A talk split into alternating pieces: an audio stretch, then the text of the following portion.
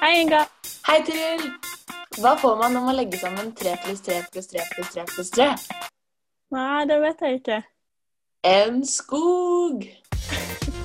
Du hører på Ordskiftet, et språkprogram på studentradioen i Bergen. I Bergen.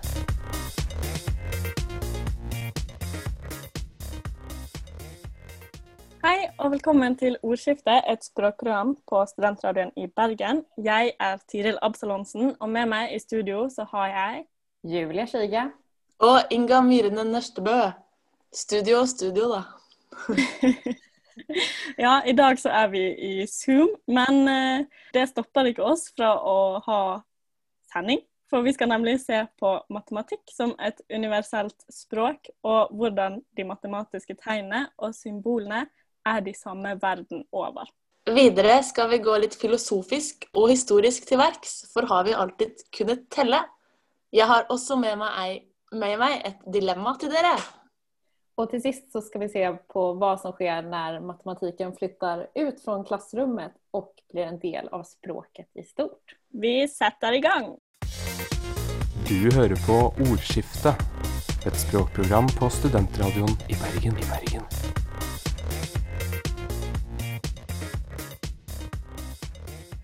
Ja, matematikk som universelt språk kan man nok nesten kalle det. Fordi at symbolene og tegnene i matematikken er de samme verden over. Og det er jo litt eh, sjukt å tenke på. Men eh, først så lurer jeg litt på om dere, Julia og Tiril, er dere glad i matematikk? Eh, jeg har hatt et litt sånt elsk og hat-forhold til matematikk. det er, eh, når jeg får det til, så er det dødsgøy. Men når det er vanskelig, så hater jeg matte. Hva med deg, Julia? Eh, nei, men jeg var verdens matematiknörd når jeg var mindre. Eh, jeg åkte liksom på matteläger og var liksom supernerdig, helt enkelt. Jeg var en matematikknerd, rett og slätt. Eh, drog på matteläger och eh, älskade matte. Eh, och sen så började jag läsa samfundsfag, samfundsfag på videregående. Och där dog allting. Ja. Ja. Och nu har jag blivit en riktig eh, HF-student när det gäller matematik. For jeg, jeg, jeg er ganske nerd i matematikk. Eller ikke nerd, eller hva man kaller det. Jeg er veldig glad i matematikk. Det er bra når man skal ska bli mattelärare. Ja, jeg studerer for å bli mattelærer. Heldigvis er ikke det på så høyt nivå, da. For jeg er ikke, jeg er ikke den beste i faget. Men eh, jeg, jeg tror jeg bare elsker at det er et system i det. Og at når det er eh, avanserte, fancy likninger som du ikke skjønner hvordan skal gå opp, og så bare ender opp i sånn x lik 1 eller x lik 2, og så er det bare sånn Den følelsen der er den beste i hele verden. Men der kan jeg faktisk kjenne meg godt igjen, for sånn er det jo med språk også. Det er jo avanserte, komplekse systemer, men når du får liksom skjønner hvordan systemene funker, og du kan bruke de sånn at du, det liksom betyr noe, da, da er det gøy, altså. Så Ja. At ting henger sammen. Ja. Vi er et gjeng som gillar systematikk, rett og slett. ja. For eh, ja, sånn som vi nevnte, matematikk er et, eh, kan man kalle et univers, universalt språk. Eh, og hvis man ser på 3 pluss 5 er lik 8, hvis man klarer å se det for seg som symbolene i eh, hodet, da, sånn tretallet og femtallet og et plusstegn, et likhetstegn, et åttetall, eh, så leser vi automatisk ord. 3 pluss 5 er lik 8. Eh, og det gjør man på andre språk også, som på engelsk ville man sagt 3 added to 5 equals 8. Og på spansk 3 más 5 es igual a 6. Og at det betyr det samme, da. Og det er jo det er litt kult. Er litt kult. Jeg vet ikke om dere syns det er kult. Jo, jeg synes det er kjempekult. For sånn, greit nok at hvis man skriver det ut som et språk, altså tres mas cinco for eksempel, så betyr jo det bare noe på ett språk. Men hvis man skriver symboler, så er det forståelig over hele verden. Så det er jo på en måte, som du sier, et universelt språk for hele verden. Ja, men altså Det er jo åpenbart at tre pluss fem er åtte, men jeg, jeg, jeg fikk jo bare sånn Det er så sjukt at, at hele verden at, vet at tretallet betyr tre, hvis du skjønner. Og Mm. at plusstegnet betyr å legge til. Er likhetstegnet at det er lik. At disse symbolene bare Så skjønner jeg ikke hvordan hele verden har skjønt at dette Eller hvordan man har blitt enige om det, da. Eller hvordan Ja, hvordan kunnskapen har, har flyttet rundt. Mm. Jeg tror det, det handler det er jo helt fantastisk at vi faktisk har et, et, ett, ett enda stort gemensamt språk å kunne snakke på i hele verden. Ja. Mm. Hva tror dere er grunnen? Jeg tror det handler litt om at eh, det, dette er det beste systemet. Om at det er jo veldig sånn at det er ett rett svar.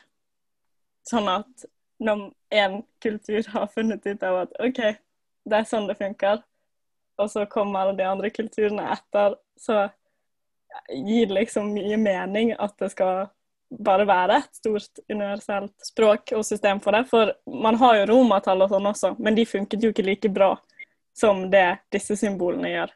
Og da gir det liksom mening at alle skal bare gi seg hen til dette systemet. Ja, At man har prøvd og feila, liksom? Ja. Og funnet ultimate? Men uh, selv om vi kommer frem til eh, de samme svarene og forståelsen av tallene er like over hele verden, så har jo ulike språk og kulturer ganske så ulike fremgangsmåter i form av de grammatiske tallsystemene. Eh, og det som er spennende med dette, er at ved å kun se på noen, noe så enkelt som grunntallene i et språk, eh, så kan vi se at ved en liten mengde med enkle betydningsbærende elementer, så kan man liksom bygge opp en uendelig mengde med sammensatte språklige strukturer. Altså sånn som at man har tallet ett, og så greier man å kunne liksom ved hjelp av det eh, og et annet tall bygge opp liksom 12 000, liksom. Det, er jo ganske sykt at eh, Ja. Med bare eh, tallet ett og to, så kan man bygge opp liksom uendelige rekker med, med tall. Ja. Ja, det er helt sjukt. Matematikk. Ja. Matematikk. Vi går videre til det mer historiske aspektet ved matematikken.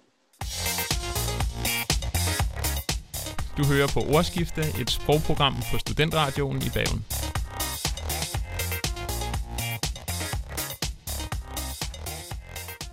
Historisk matematikk. Ja, for hva gjorde man før man kunne telle? Har vi alltid kunnet telle?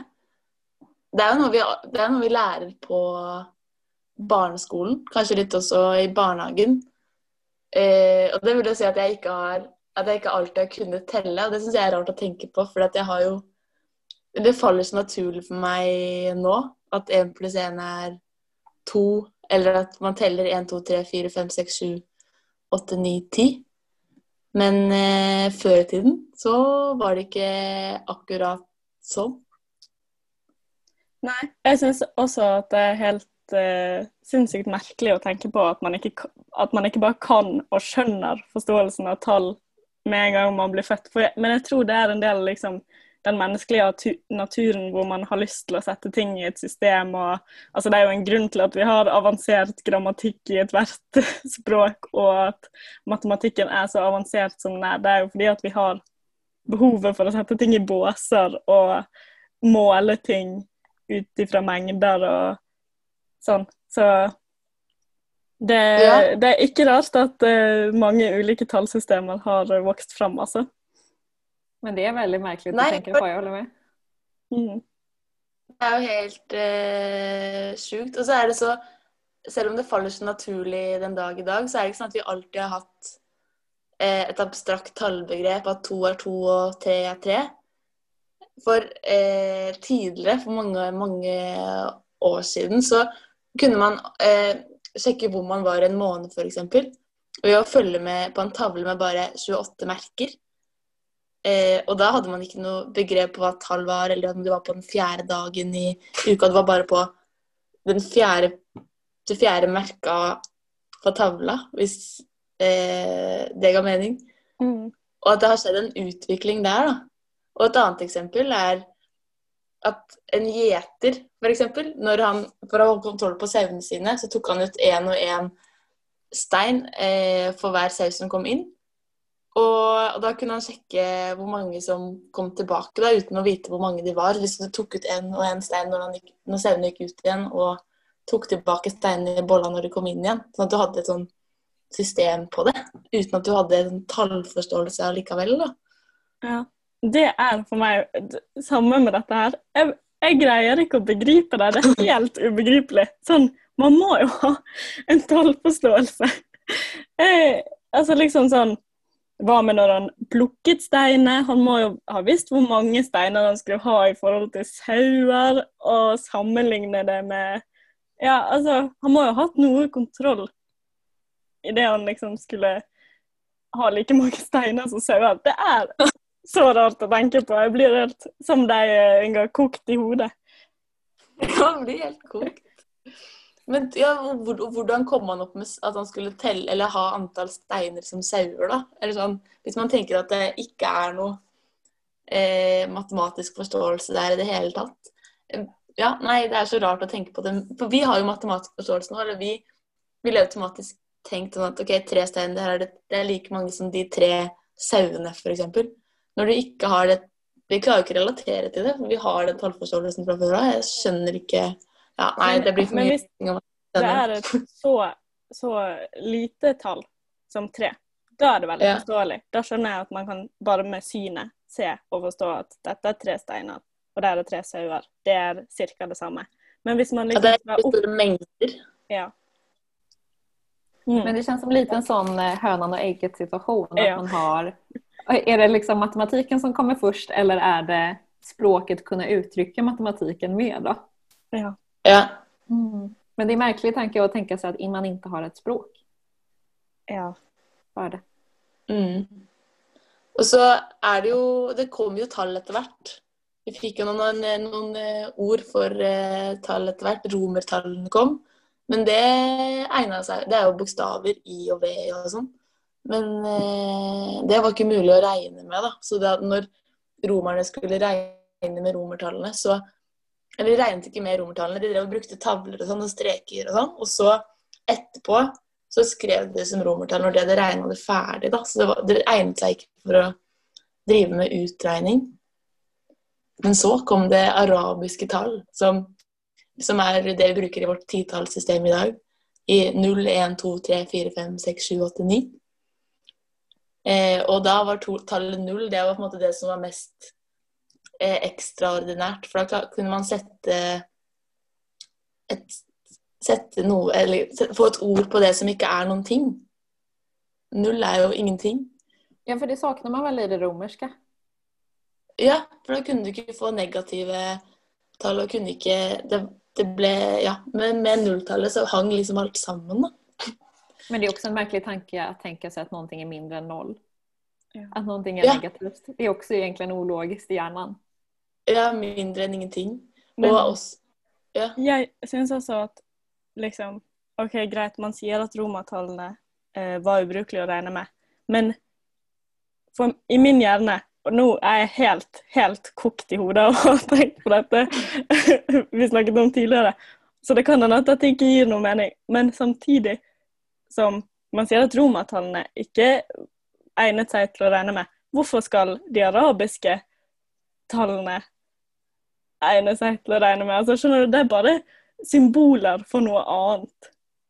Man kunne jo like godt sagt at det er jo, Man har jo på en måte bare bestemt seg for at det gir mening. Ja.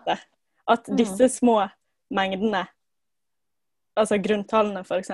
Man har jo bare bestemt seg for at de gir mening, på en måte. Hvis du Ja.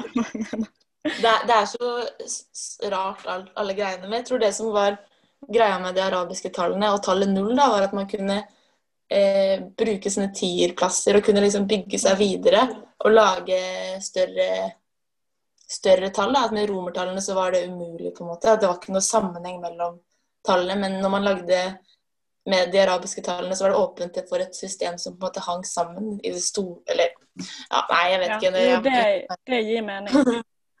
ja. Nå, nå ble det litt kjøle, kjøligere i hodet mitt. Men ja, det, det kom ikke eh, På Wikipedia da, så sto det at de arabiske tallene kom ikke Eller de er også kalt for indisk-arabiske tall, forresten. Så for at inderne hadde litt påvirkning. Jeg tror det var de som fant opp eh, tallet null, og så kom araberne med 1, 2, 3, 4, 5, 6, 7, 8, 9. Så at det er, det er ikke bare araberne vi skal rose her, da. Men eh, ja, jeg kaller det det arabiske tallene, det er lettere. Men at det kom ikke til Norge før på 1300-tallet. Og, det, og igjen, bare koke hodet enda mer. Hva gjorde man før 1300-tallet? Det er ikke så lenge siden. Nei, det er virkelig ikke lenge siden. Det ah, Nok en gang. Hodet koker. Man blir kokt i kokt i kokt. Men eh, det må jo ha vært noe enkelt. Altså liksom Som at man har steiner eller pinner eller sånne streker eller noe. Det må jo ha vært så enkelt som det. Eller at man brukte romertall, for man har jo Det var ikke sånn at man ikke hadde kontakt med andre kulturer på 1300-tallet. Så man må jo ha ha- hatt et eller annet, en eller annen form Ja. for eh, tallsystem. I hvert fall på 1300-tallet. Det må man jo ha hatt, Och tenker og jeg. tenker at det er også veldig kopplat til skriftspråket. Eh, att det fanns ju säkert, det är ju talspråk och skriftspråk i olika ting. Och Mm. det var ju inte alls lika utbrett på 1300-talet att behöva skriva ner siffror. Nei, det stemmer. Det er så rart at man ikke telte, da. At man ikke telte 1, 2, 3, 4, 5, 6, 7, 8, 9 før. Men Ja. det kan jeg faktisk ikke se for meg. Det må jo ha gjort det på en eller annen måte. for, for det er jo sånn i, Rundt om i verden så finnes det jo så utrolig mange ulike tallsystemer hvis man ser på det liksom eh, språklig sett. da. Eh, at man, Det finnes jo tusenvis av ord for tallet ett, som Ja. eksempel one eller uno eller én. sant? Eh, så eh, nå vil jeg faktisk bare hoppe litt videre og, til å snakke om ulike tallsystem. For det er ganske interessant i forhold til hvordan man bygger opp eh, matematikken grammatisk, da. Eh, Mm. for, eksempel, ja. for eksempel det kinesiske tallsystemet har en veldig enkel oppbygning, eh, og bygges egentlig bare opp av eh, grunntallene. Og så som vi sa tidligere, så er det jo dette med at små betydningsbærende elementer kan bygge opp uendelig med sammensatte språklige strukturer. Så for eksempel gi, eller ja, nå kaster jo meg bare ut i det kinesiske språket, så unnskyld alle de som kan kinesisk. Men jeg kan jo ikke si noe om det er riktig eller feil. Men uh, yi, det er én. Uh, og xi, det er ti. Så for eksempel elleve, det er xi yi. Altså ti, én. Og det er jo veldig forståelig. Da tenker jeg med en gang at vårt system, hvor vi bare lager et nytt ord som heter elleve, er helt bortkastet av tid, når vi bare kunne sagt ti, én. Ti. Ja. Eh, og for eksempel hvis man skal ta 28, så setter man bare sammen tallene eh, 2, 10, 8. Så man få får. Urshiba. Ja. Veldig logisk. Eh, Det er litt, litt som det, som det frans... Nei. Nei, nå, nå, nå, jeg blander spansk og fransk, men en av de i hvert fall. At de har litt, litt av det Nei, det, jeg kan ikke snakke når jeg ikke vet film. Spansk er jo uno og y. At man sier det liksom. ja, at man Ja. legger det til, ja. Mm. Ja, men jeg tenkte litt på Eller sånn på Vi sier jo på, på spansk så sier man Så er det ett ord, akkurat som på Norge, at det er norsk på Norge. Men 11 og 12 og 13 og 14 Det har de også egne navn for, men på spansk når det kommer til 15 Nei, når det kommer til Jo men eh, 15. Så kommer det dies i siete, altså 10 pluss 7. Etter hvert så kommer man sånn, da. Mm. Ja det är märkligt hur man har bestemt just hur, eh, hur långt man ska fortsätta helt enkelt. Ja. Nå begynner vi på, begyn på begynnelsen igjen, på en måte. Det, ja, nei, det gikk ikke mening. Ja, Det är lite Nej. som när man ska skriva, om man ska skriva, när man skriver i text, om man ska skriva med siffror eller med bokstäver. Ja. Hur långt man ska gå i det liksom. Att det är just 12 som skiftet sker vid. Men sen 13 Ja. ska du skriva med siffror. Att man just har kommit fram till, så ska det vara. Mm. Det är fascinerande och att det inte är samma världen över. ja, det er det. Har du noen flere systemer, eller? Ja, for alle er ikke like logiske som det kinesiske. For eksempel på Papa Ny-Guinea så eh, bruker de to som base. Eh, men dette tallsystemet funker egentlig ikke noe særlig lenger enn til fem, for det blir så eh, Man må bruke så mye krefter egentlig på å telle noe lenger enn det. For eksempel, for å illustrere dette tallsystemet, da, så baserer de egentlig alle tallene på å sette sammen eh, ordet for én og ordet for to. Så tallet én er puntanen, mens tallet to er eltin. Og det vil da si at tre er eltin puntanen, altså to pluss én. Mens fire er eltin eltin, to pluss to. Og fem er eltin eltin puntanen, to pluss to pluss én. Så da kan man skjønne at det blir litt eh, tungvint hvis man skal f.eks. Eh, si 234 sauer. Ja, nå får man tenke en god stund, altså. Ja. Det har jeg ikke tenkt til å prøve meg på. Beregne sånn fire minutter på å si 200, da, eksempel. Ja, det har ikke, det har vi ikke tid med i dagens sending. Men det er jo litt interessant det du sier med at man har, bruker bare to tall. For at datamaskinen man tenker jo, eller datamaskinen er ganske, ganske klok, da. Eh, og man har funnet ut at det, den enkleste måten å regne på er egentlig totallssystemet. Der de bruker sifrene bare 1 og 0. Så hvis man av og til hvis eh, skjermen krasjer, eller hvis man ser på sånn koding og sånn, så ser du bare masse ett-tall og masse nulltall. Og det er fordi at eh, det er det matematiske tallsystemet som datamaskinen opererer med, da. Og det er ikke Det er jo som, som, akkurat som det der eh, tallsystemet du snakket om nå, at det er vanskelig å ordlegge det. Det tror jeg også er veldig vanskelig for om vi skulle ordlagt alle de ett-tallene alle de nulltallene i eh, systemet til datamaskinen. Men da vet dere det. At det er, et, at det er tallsystemet som kanskje egentlig er eh, enklere å regne med, men uh, utrolig vanskelig å språklegge. Mm. Eller ordlegge. Ja. Det, da hadde jeg ikke kunnet ha matte i det hele tatt, tror jeg, på, på skolen. Men um, det finnes også ikke bare liksom språklige um, tallsystemer, men også sånn i forhold til hvordan man teller på hendene, er veldig ulikt fra kultur til uh, kultur. Og man kan faktisk telle på fingrene på fire ulike måter Uh, og man skulle jo kanskje ikke tro det var mulig, for man har ikke alle mennesker like mange fingre, liksom. Eh, men det er da altså enten at man bare teller alle fingrene, sånn ti fingre, eller at man teller eh, mellomrommene mellom fingrene. Eller at man hopper Det er bare fire. Hæ? Eller er det bare fire mellomrom, da? For du har jo fem fingre, så er det bare fire mellomrom. Ja, jeg tror da enten at man da tar med eh, fingertuppene, eller at man eh, ba, altså kun bruker de åtte mellomrommene man har, da. Så man regner opp til 18, helt enkelt. Mm. Eh, det er noen som hopper over tommelen, bare bruker ikke den. Eh, Tommelen er uh, ubrukelig. Ja.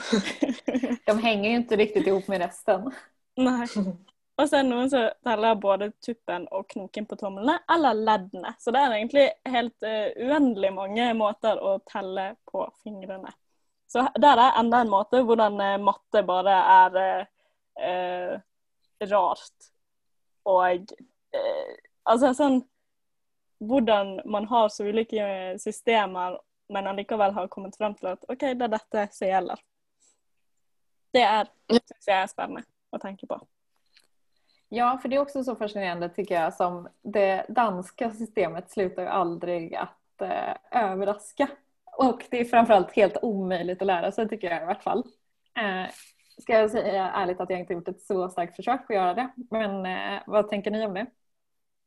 Ja, jeg òg er uh, ganske lost når jeg er i Danmark og de begynner å si halvfirs og halvtress og det greiene der. Men det, det er egentlig ikke så vanskelig. Det er jo ja. Nei, det er ikke så vanskelig, for det er, de regner Eller ja, det virker jo veldig kronglete. Det kan godt hende det er kronglete, men det, det, handler om at de, de teller i, i 20-tall. At det er 20-grupper. 20 grupper. Men det er også så fascinerende som her i Norge der vi faktisk har två olika system att eh, räkna och sätta i samman, sammansättningen helt enkelt i talord. Där vi en, en, antingen har det gamla systemet där man sätter enaren föran tiaren. Eh, Mm. Eller som det svenska systemet eh, och det som är normerat idag att man har tiaren föran enaren. Det är ju inte heller helt liksom, självklart att varför man just ska ha det på det sättet. Nei. Men jeg er, er egentlig glad i at vi har kvittet oss med den eldgamle måten å si tallene på. Ja, den är ju högst levande i talspråket i alla fall. Ja, den er jo det, i hvert fall blant eh, gamle mennesker i befolkningen. Men eh, Ja. Jag tycker man hör den hela tiden alltså, fortfarande. Ja, det syns faktisk ikke at jeg hører Jeg syns ikke jeg hører den så ofte. Ja, i alla fall när man pratar om ålder på människor och när man pratar om årtal tycker jag man hör om den.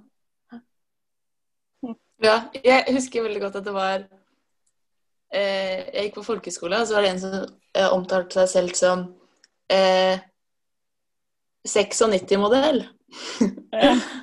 Og så var jeg bare Ha-ha, du er ikke 69 år. Er at det var automatisk. Jeg klarte ikke snu om på tallene. For det, var så uvant til å høre det da.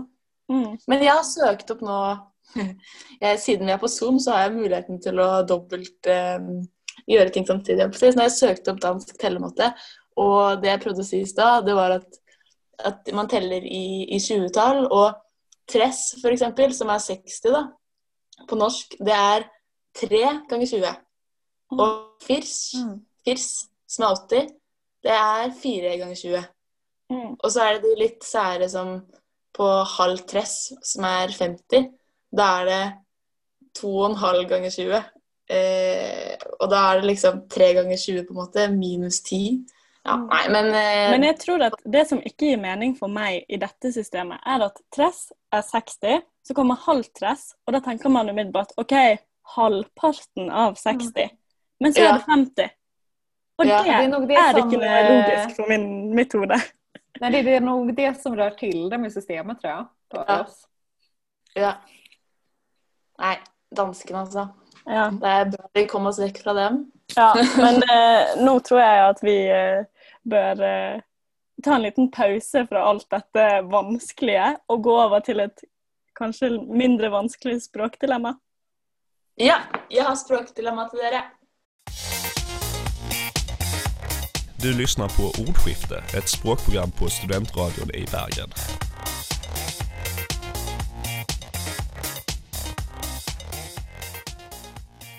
Da er det tid for eh, språkdilemma, og jeg har eh, prøvd å lage et eh, språkdilemma. Det er lov å komme med kritikk, men det vi tar det etterpå. Her kommer dilemmaet. Enten alltid skrive tall med bokstaver, eller alltid bruke fingrene når du skal henvise til tall. Som eksempel, hvis du skal skrive tall med bokstaver, så må du Hvis du skal skrive 100, for eksempel, så må du skrive 100. Kan det mening? Ja, ja. Det Ja, er, det 47 som är skriver helt först. meningslöst. Alt, eller bare med hendene. Ja. Alltid skrive tall med bokstaver, eller alltid bruke fingrene når du skal henvise tall. Hva sier du, Julia? Oh, jeg syns dette var et svårt språkdilemma måste jeg si. Ehm, men jag tenker tänker att man ser ju helt dum i huvudet ut om man ska stå och räkna på fingrarna. Um, så jag går rett og slett for å skrive med bokstaver, tror jeg.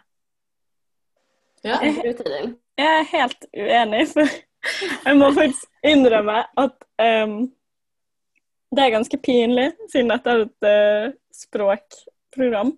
Men jeg er skikkelig dårlig på å skrive tall med bokstaver. Eksempel 11. Hvordan i, Ja, hvordan i verden er det man skriver det, egentlig? Så her så tror jeg faktisk at jeg hadde gått for den der eh, å stå og flashe med fingrene for å vise hva jeg ville si.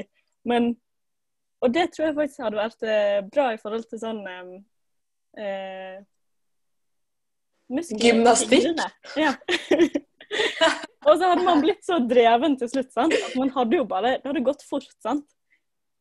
Eh, Ja, man hadde hatt haft ett tempo i det. ja, og så hadde jeg plutselig blitt verdensmester i klatring. Sant? Ja.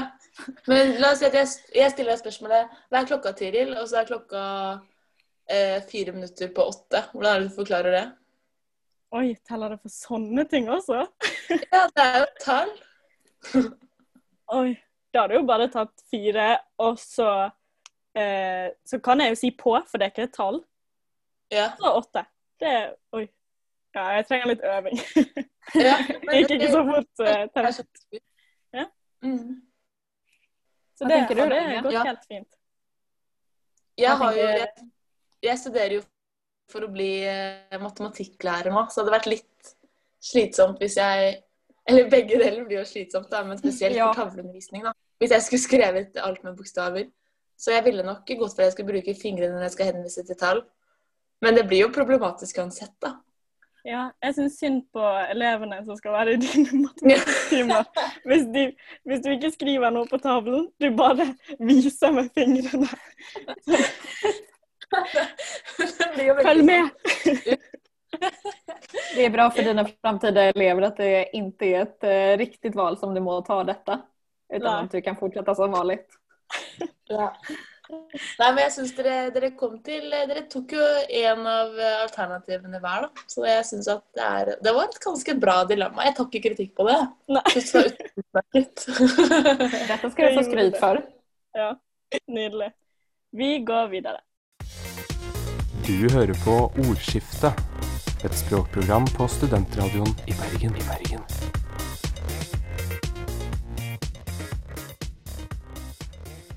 Nå skal vi over på matematikk og bildelige uttrykk. For i språket så har vi flere eksempler på uttrykk som har fått en utvidet betydning fra den opprinnelige matematiske som de stammer fra. Eh, og det finnes faktisk masse eksempler på akkurat eh, dette, og det har vi eh, samlet litt sammen eh, her nå. Yes, og jeg har eh, meg ned i mitt eh, gamla musikbibliotek eh, och funnet funnit fram ett väldigt gott exempel på hur det kan se ut. Jag ska citera lite här ur Markus Krunegårds låt New York. Ehm, Kan du synge litt også? Hva det? Kan du synge litt også, eller er det kun Nei, Nej, det, det tänker jag att vi besparar lyssnarna från. Eh, Men då går textraden helt enkelt så här. Sara är en sol och vårare. Det är vår minsta gemensamma nämnare. Vi borde vara det perfekta paret om det är sant att minus minus blir plus. Så här ser vi alltså två exempel på matematiska uttryck som används billigt i språket. Visst är det härligt? Ja, jeg elsker det. Ja, för då, som du sa förut Tiril så har vi ju faktiskt massa... Vi använder ju de här matematiska uttrycken i språket i... Ofta får det också en lite utvidgad betydning, till exempel det här minsta gemensamma nämnare som Ja, då är fällesnämner. Ja. ah, det, det var bra du presiserte. Ja, ja. Ibland måste det till med svenskan. Eh, Ja. Men just att eh, man hittar den gemensamma tingen som man har helt enkelt. Då. Även om man kan vara väldigt olika så kan man ha en fällesnämnare som man kan grunda någonting i. Och sen så tycker jag att det här uttrycket eh, minus minus blir plus är så morsomt för att det är ju just betyder ju när någonting är, känns ologiskt men ändå så är det logiskt. Ja. Ja. Jag tycker den är väldigt fin. Ja, den er Den Oh. Ja. Det var, Ja, den är god. det. Mm. Och sen så finns det ju som vi har sagt i massa olika uttryck. Till exempel eh, när vi har, ska komma fram till en slutsats så säger man ju eh, summan av det här. Eller som mitt bästa svenska uttryck, summan av kardemumman. Sen har vi några också. Men jag alle ja. Har vi den norsk? Men, Det er jo kardemommekrydder, er det ikke? Det, det er bare Ja. fordi det rimer. ja, Det summan av kardemumman. Ja, när man kommer fram till slutsatsen så är det summan av kardemumman. Men det er bare det rimer. Jeg tenkte jo at kardemomme kanskje Kanskje kardemomme har en eh, blanding av masse forskjellige ting, eller et eller annet. Men det er bare at det rimer. Ja. Sånn som eh, Ja. fancy smancy og sånne ting. Ja, sikkert. Ja. Ja. Gøy. Summen av kardemummen. Ja, et annet eksempel er um, at vi bruker ordet pluss ofte. Hvis man skal argumentere for noe, kanskje.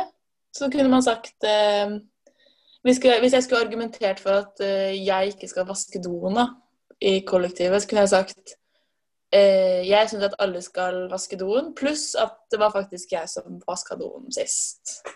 Mm. Eh, at pluss blir som et å legge til. Ja.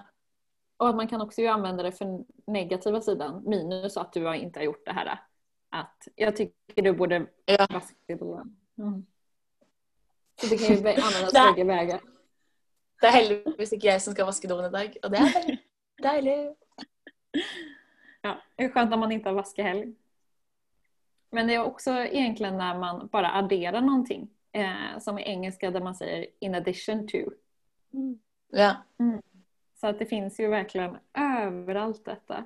Och så ett fint uttryck som jag tycker är om man pratar om att en person är fyrkanta.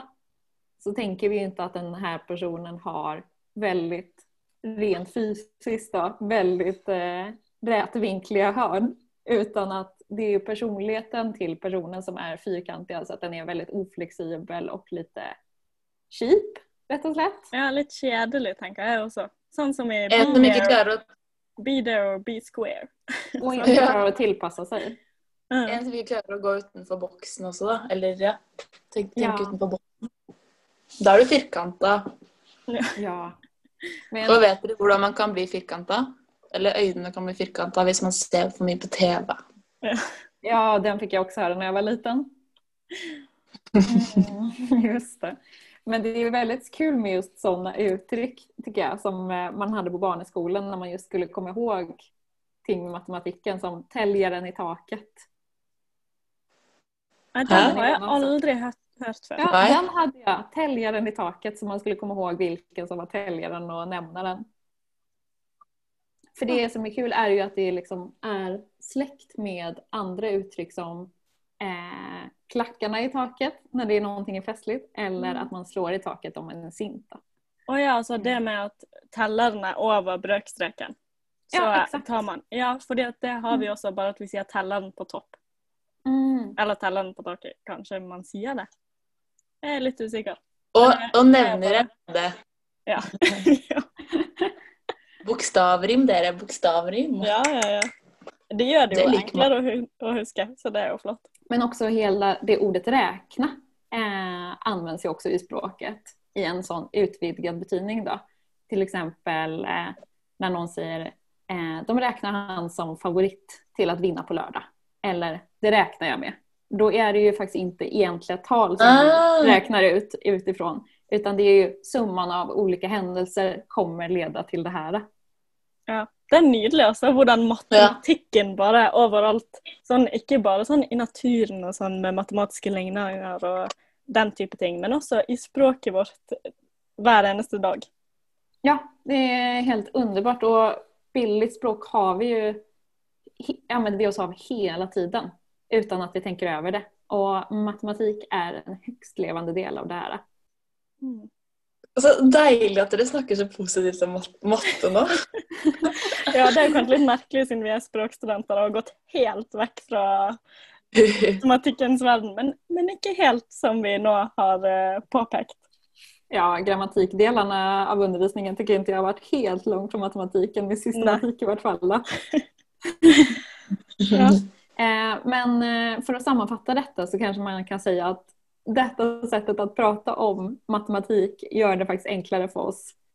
Ja, I vart fall många av oss HF-studenter som kanske inte är de främsta i matematikens underbara värld. Og och förstår det rätt och slätt. Og at matematiken den finns ju långt utanför klassrummet. Den finns ju rätt och slätt i hela språket. Du hører på Ordskifte, et språkprogram på Studentradioen i Bergen. I Bergen. Da er vi kommet til slutten av denne episoden. Men vi er tilbake i neste uke allerede, så det er bare å like oss på Facebook i mellomtiden, der vi heter Ordskiftet, et språkprogram på Studentradioen i Bergen, og følge oss på Instagram, der vi heter Ordskifte. Og hvis du ikke fikk nok av denne sendingen og har en uslokkelig tørst når det kommer til kunnskap om språk, er det bare å finne frem gamle episoder og følge med, på, når, følge med når det kommer nye. Vi finns på Spotify, srib.no eller der du annars lyssnar på podcasts. Ha det bra! Ha det! Hei da! Takk at dere for å hlusta á ordskiftet. Gefðu dere like av Facebook-siden vår, så heyrjumst vi um viku. Du hører på Ordskiftet, et språkprogram på studentradioen i Bergen. I Bergen.